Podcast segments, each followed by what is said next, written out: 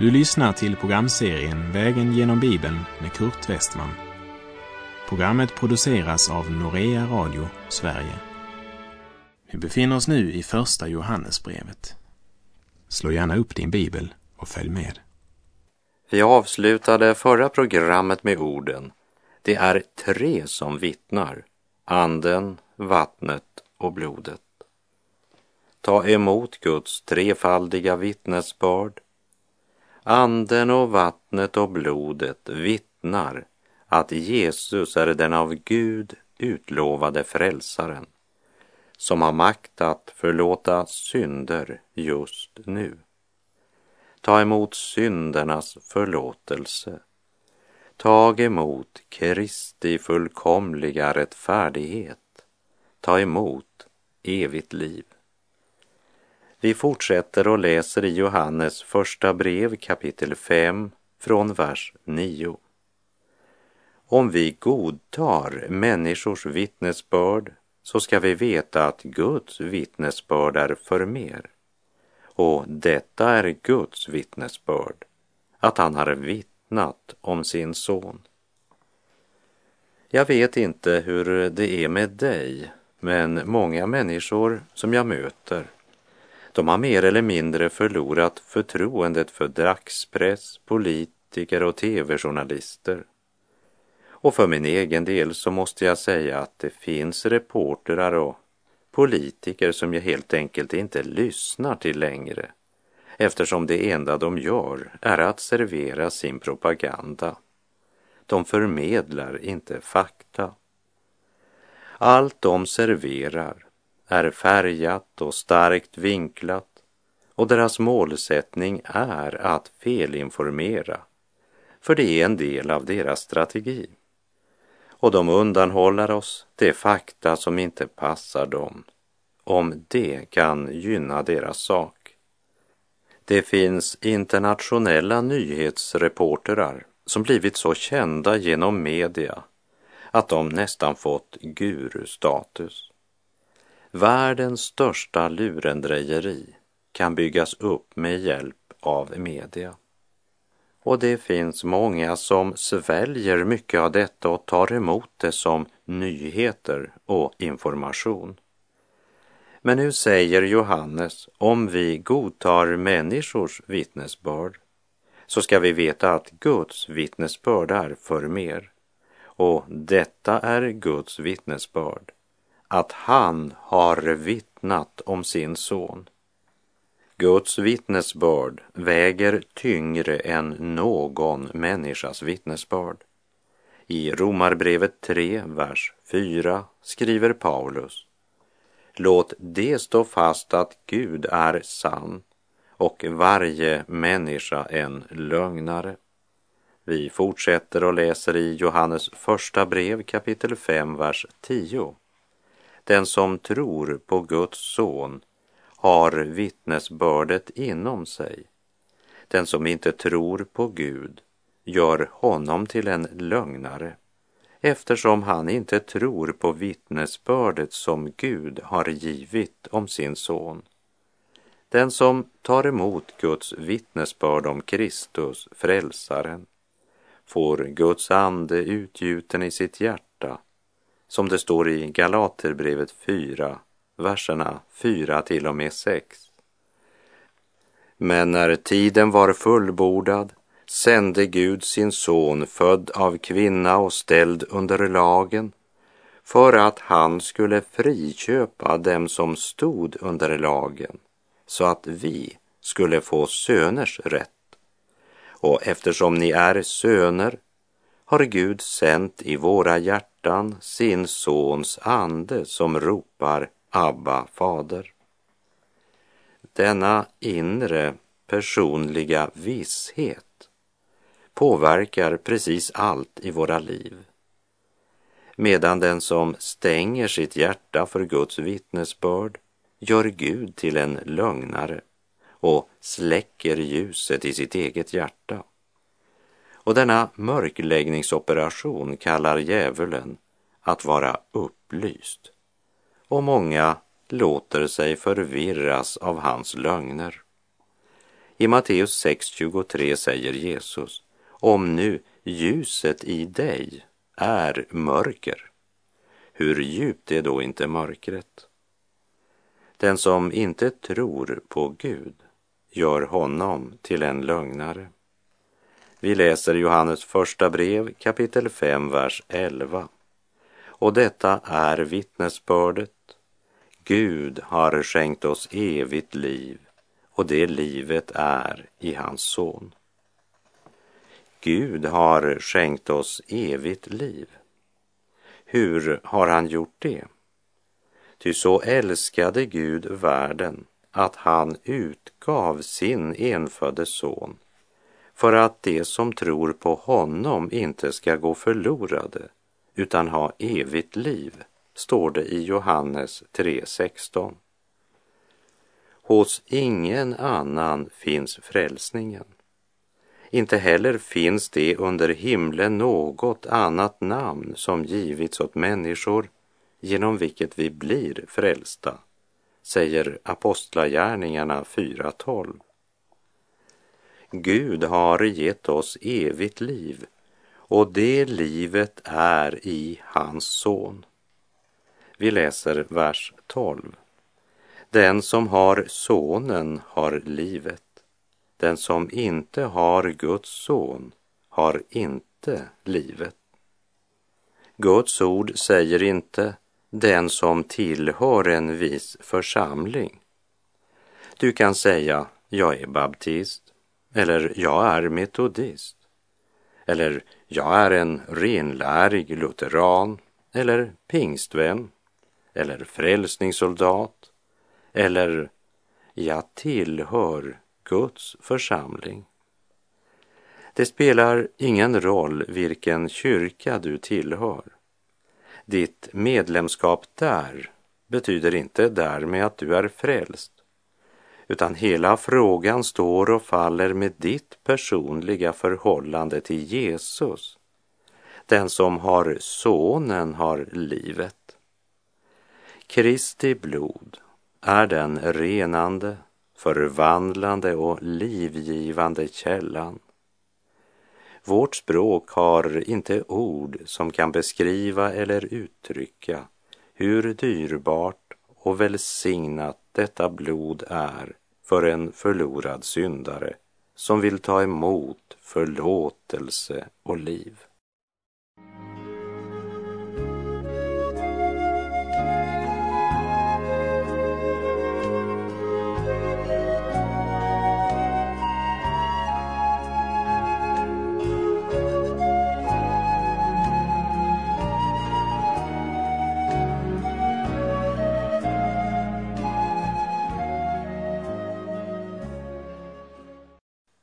Den som har sonen har livet. För det första har Jesu blod en frälsande kraft. Det förlossar oss från lagens förbannelse. Salig är den själ som genom Jesu blod blivit lösköpt från lagens förbannelse. För det andra så har Jesu blod en sonande kraft. Ånger över synden och löften om bättring kan inte frälsa.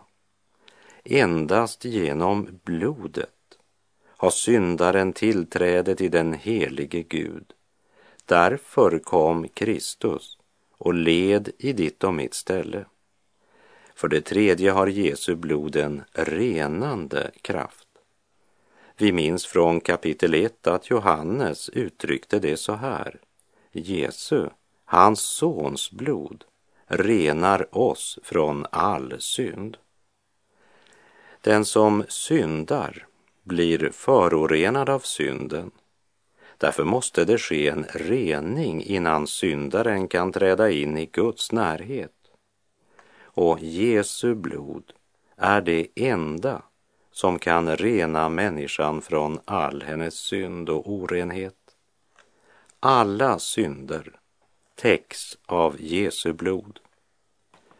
Ni vet ju att det inte är med förgängliga ting, med silver eller guld som ni blev friköpta från det meningslösa liv ni ärvt från era fäder, utan med Kristi dyrbara blod, som blodet av ett lamm utan fel och lyte, skrev Petrus i sitt första brev. Men Jesu blod har också en bevarande kraft. Och över Egyptens alla gudar skall jag hålla dom, jag är Herren. Blodet skall för er vara ett tecken på det hus i vilka ni är, ty när jag ser blodet ska jag gå förbi er. Ingen straffdom skall drabba er med fördärv när jag slår Egyptens land. När blodet var struket på båda dörrposterna och på övre dörrträet i huset, då var alla i säkerhet. Och lägg märke till att Herren säger när jag ser blodet ska jag gå förbi er. Det var inte det att du och jag såg blodet. Men därför att Gud såg blodet sparade han oss. När vi får se blodet får vi frid. Men det var därför att Gud såg blodet som vi blev frälsta. I Romarbrevet 5.8 förkunnas följande. Men Gud bevisar sin kärlek till oss genom att Kristus dog i vårt ställe medan vi ännu var syndare. Gud såg blodet långt innan vi såg det. Guds vrede drabbar inte den själ som tagit sin tillflykt till Lammets blod. Den som har Sonen har livet. Den som inte har Guds son har inte livet. Tydligare än så här kan det inte sägas. Låt oss glömma allt det som har med religion att göra. Glömma allt som heter att vara kyrklig. Låt oss glömma alla gimmikar och jippon, alla tricks och knep som är så utbredda i så mycket av dagens församlingsverksamhet. Låt oss glömma alla tomma och bedrägliga filosofier byggda på mänskliga traditioner och stadgar. Låt oss glömma skrudar, ritual och religiösa ceremonier. Låt oss samla oss omkring denna enda fråga. Har du Kristus? Är han din personliga frälsare? Har du Sonen? Både i Johannes evangeliet och även i de båda breven fokuserar Johannes mycket starkt på att Jesus är Guds son. Det är en avgörande del av den frälsande tron. Det är endast Guds son, försonaren, som kan förlåta synder och skänka evigt liv. Och detta är vittnesbördet, säger Johannes. Gud har skänkt oss evigt liv och det livet är i hans son. Den som har sonen, han har livet. Den som inte har Guds son har inte livet. Att ha sonen betyder att leva i en levande gemenskap med honom, tro på honom och lita på att han är Guds son som Johannes så starkt vittnar om. Vi läser Johannes första brev kapitel 5, vers 13. Detta skriver jag till er för att ni ska veta att ni har evigt liv, ni som tror på Guds sons namn. Frälsningsvissheten står centralt, inte bara i Johannes vittnesbörd men i hela skriften.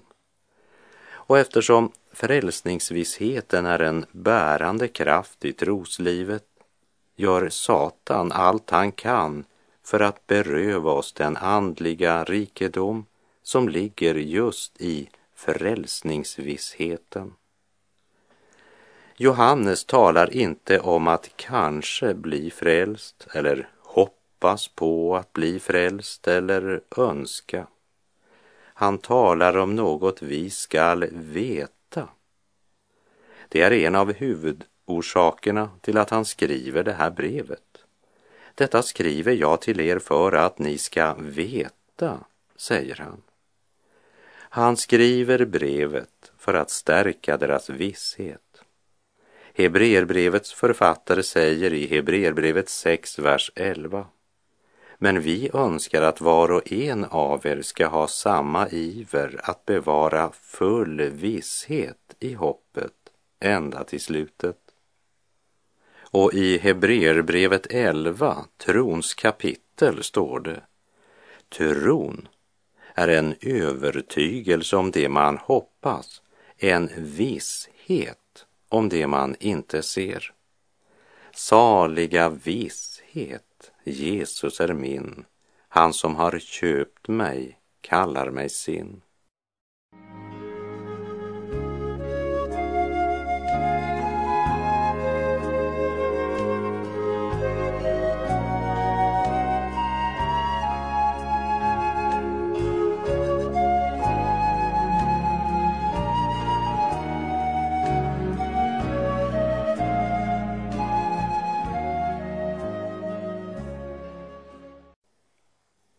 Johannes skriver för att vi ska veta att vi har evigt liv, vi som tror på Guds sons namn. Johannes första brev kapitel 5, vers 14 och 15. Och detta är den tillit vi har till honom, att om vi ber om något efter hans vilja så hör han oss. Och när vi vet att han hör oss vad vi än ber om, så vet vi också att vi redan har det som vi har bett honom om. Trons visshet får en konkret konsekvens för vårt böneliv. Bönen blir så lätt präglad av egoistiska motiv istället för en längtan efter att Guds vilja ska ske på jorden som i himlen. Någon har ut uttryckt det så här. Bön är inte att betvinga Guds ovilja, men det är att ta vara på hans stora villighet. Det är alltså inte att försöka få Gud att göra något som han egentligen känner ovilja inför. Men bön är att tänka Guds tankar efter honom. Och då vet vi att han hör oss. Gud uppfyller inte alla våra önskningar, men han håller alla sina löften. Därför ska vi ivrigt studera hans löftesord och låta Guds ord och Guds helige ande forma våra böner. Ordet om att vi redan har det vi har bett om, det ska inte pressas därhän att det betyder att vi sitter med sakerna i handen. Men han vill låta oss förstå att om våra tankar och böner är i samsvar med Guds vilja och plan så kan vi vara säkra på att Gud har kontroll och att han kan genomföra sina planer. Och vår bön är Ske din vilja, så som i himlen, så och på jorden. Det är underbart att veta att vi har en himmelsk far och när vi vandrar i gemenskap med honom så har vi den tilliten till honom att han hör oss. Vi läser vers 16. Om någon ser sin broder begå en synd som inte är till döds skall han be och Gud ska ge liv åt honom, åt den som inte begår synd till döds. Det finns synd som är till döds och jag säger inte att man ska be för den. All orättfärdighet är synd, men det finns synd som inte är till döds. En av de böner som Gud verkligen vill höra är vår förbön för en broder eller syster som har syndat. Det verkar som om det är den fysiska döden Johannes talar om här. Det kan inte vara andlig död eftersom det är en broder i tron han talar om. Och den som inte har liv i Gud är ju inte en broder i tron. Även om en broder faller i synd är han fortfarande en broder. Men det finns synd som är till död, säger Johannes.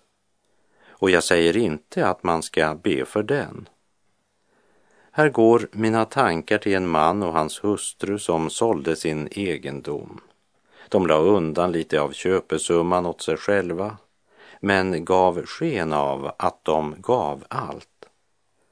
Jag citerar Apostlagärningarna 5, vers 1 till och med 6. En man som hette Ananias sålde tillsammans med sin hustru Safira en egendom. Med sin hustrus vetskap tog han undan något av köpesumman och bar fram en del och la för apostlarnas fötter. Då sade Petrus, Ananias, varför har Satan uppfyllt ditt hjärta så att du ljög mot den helige Ande och tog undan en del av pengarna för jorden? Var inte egendomen din så länge du hade den kvar? Och när den var såld, var inte pengarna dina? Varför har du i ditt hjärta bestämt dig för att göra något sådant? Du har ljugit inte bara för människor utan för Gud. När Ananias hörde de orden föll han ner och dog. Och stor fruktan kom över alla som hörde det. De yngre männen kom och svepte honom, bar bort honom och begravde honom. Ananias och Safira, de var lärjungar i den första kristna församlingen och de valde att ljuga, både för församlingen och för Gud. För tre timmar senare ljög hans hustru och sa precis detsamma som mannen. Josef, som apostlarna kallade Barnabas, en levit som var född på Cypern, ägde en åker. Han hade sålt den och burit fram pengarna och lagt den för apostlarnas fötter. Det kan verka som att när Ananias och Safira såg vilken publicitet Barnabas fick då han skänkte dessa pengar ville de också få del i samma uppmärksamhet, bli lagda märke till, bli beundrade för sitt offer. Men Barnabas var sannolikt en av dem som gav allt han ägde och därför blev det speciellt uppmärksammat och kommenterat av Lukas när han skriver Apostlagärningarna. Ananias och Safira bedrog medvetet Kristi församling.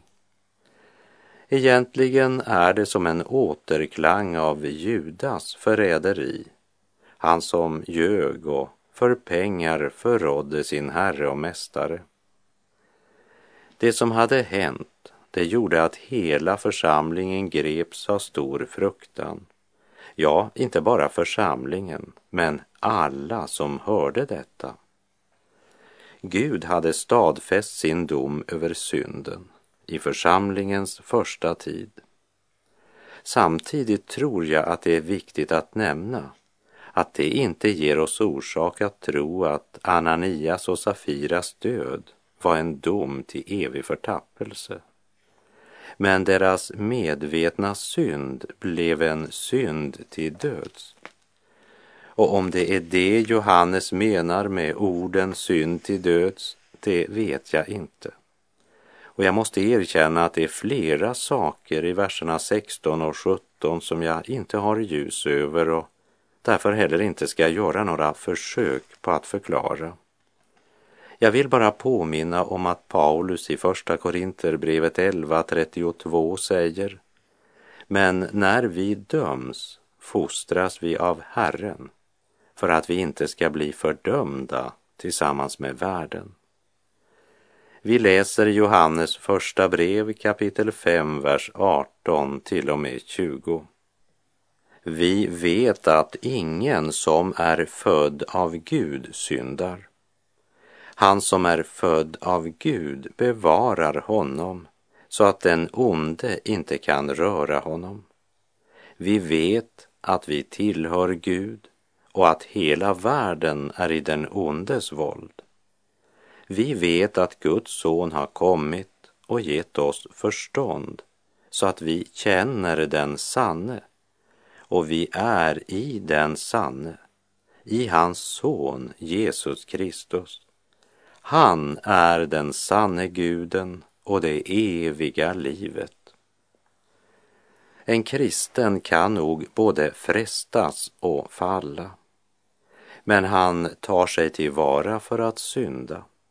Han flyr synden som andra flyr för huggormen. Därför har synden ingen makt över honom. För den som lever i synd är inte ett Guds barn. Johannes talar med myndighet. Han säger vi vet. Här är det inga gissningar eller spekulationer. Han talar om sådant han verkligen vet och han förutsätter att de han skriver till vet. Han talar inte om syndfrihet, men om att leva i kamp mot synden. Ännu har ni inte gjort motstånd ända till blods i er kamp mot synden, säger Hebreerbrevet 12.4. En kristen kan falla i synd, men inte förbli i synden.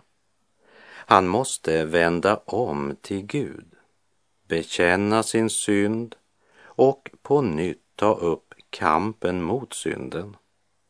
Vi läser i Johannes första brev kapitel 5 och vers 21. Kära barn, var på er vakt mot avgudarna.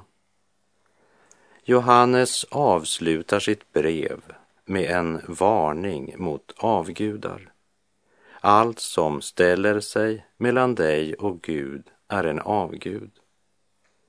Allt som betyder så mycket för dig att du är beredd att bryta något av Guds bud för att uppnå det, det är en avgud. Och vi uppmanas att vara på vakt mot allt som fördunklar vår trosblick. Och med det så är vår tid ute för den här gången. Jag säger på återhörande om du vill och om Herren ger oss båda en ny nådedag imorgon. Herren vare med dig. Må hans välsignelse vila över dig. Gud är god. Norea Radio Sverige understödjer radiomission på farsispråket. Här följer ett lyssnarbrev. Jag har lyssnat till ditt program en tid och jag gillar det. I denna mörka värld är det bara Herren som kan ge oss den frid och den glädje vi behöver. Genom att lyssna till dessa program har jag fått frid i mitt hjärta. Jesus har förlåtit mina synder. Jag hoppas verkligen att programmen fortsätter.